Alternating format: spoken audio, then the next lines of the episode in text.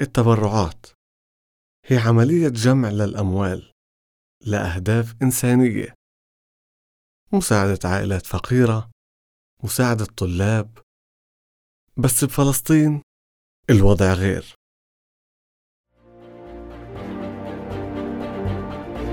بطولات بودكاست نحكي فيه عن أشخاص كان لهم مواقف بطولية في حاضرنا العربي. معكم مأمون من حنجرة بودكاست.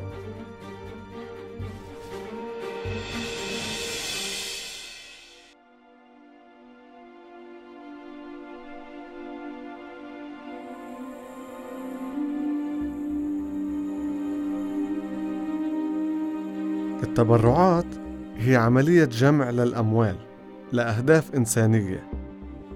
بس بعض الحركات حول العالم حرفت هذا المصطلح وصارت تجمع التبرعات لأهداف غير إنسانية أبداً.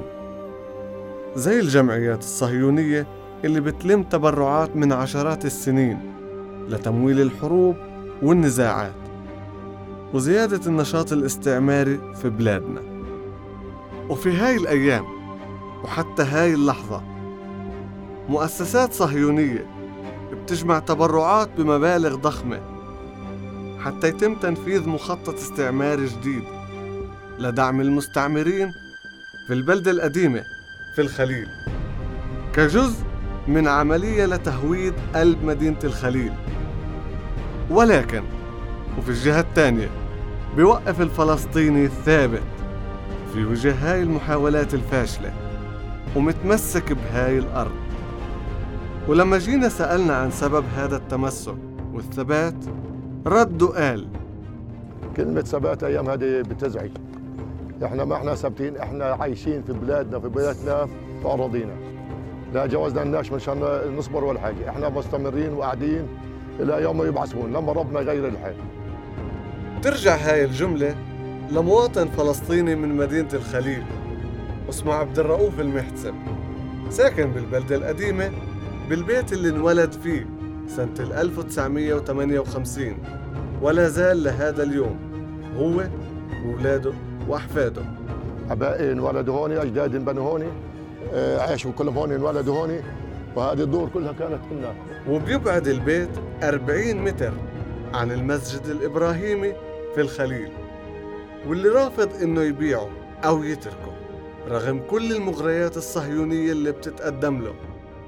فانعرض عليه مبلغ 100 مليون دولار لحتى يبيع بيت ودكان ما بتتجاوز مساحتهم 150 متر.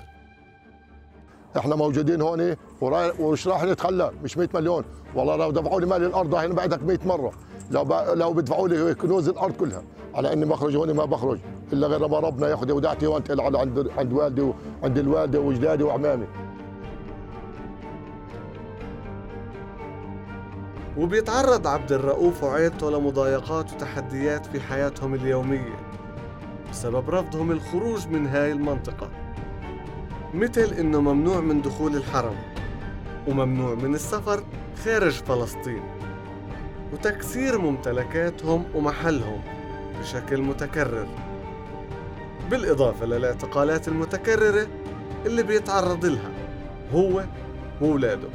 أنا قاعد ولعبه ورغم كل هذا إلا إنه لساته صامد ومتمسك بالبيت المجاور لسيدنا إبراهيم عليه السلام وبيقول لما بموت بدي أقول لسيدنا إبراهيم ما تخليت عنك بكفي هذا أنت حبيبي وأنا قاعد عندك أنا قبل. بقبل ومن هون بنتعلم إنه التمسك والتشبث بالحق بيستحق التضحية من أجله. وإنه نبذل الغالي والنفيس في سبيله.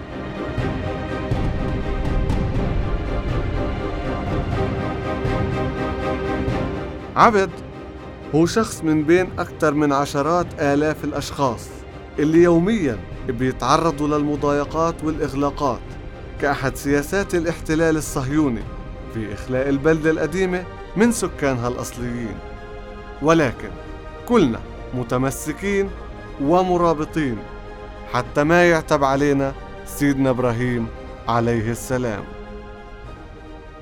ويعبد قبل ما تمضي لنا تحط فلوسك اللي في البنوك اللي انت بدك اياها. كنت ادخل آه، السيجاره والقهوه قلت له هدول اللي بدخنهم هون بس مال للارض إحنا عايشين هون ومبسوطين ومش بحاجة لهم.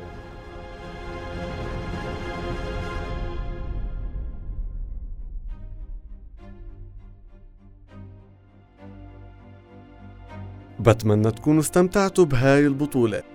استنونا ببطولات جديدة ومقولات جديدة من بودكاست بطولات. وطن هنا ومواطن فليرحل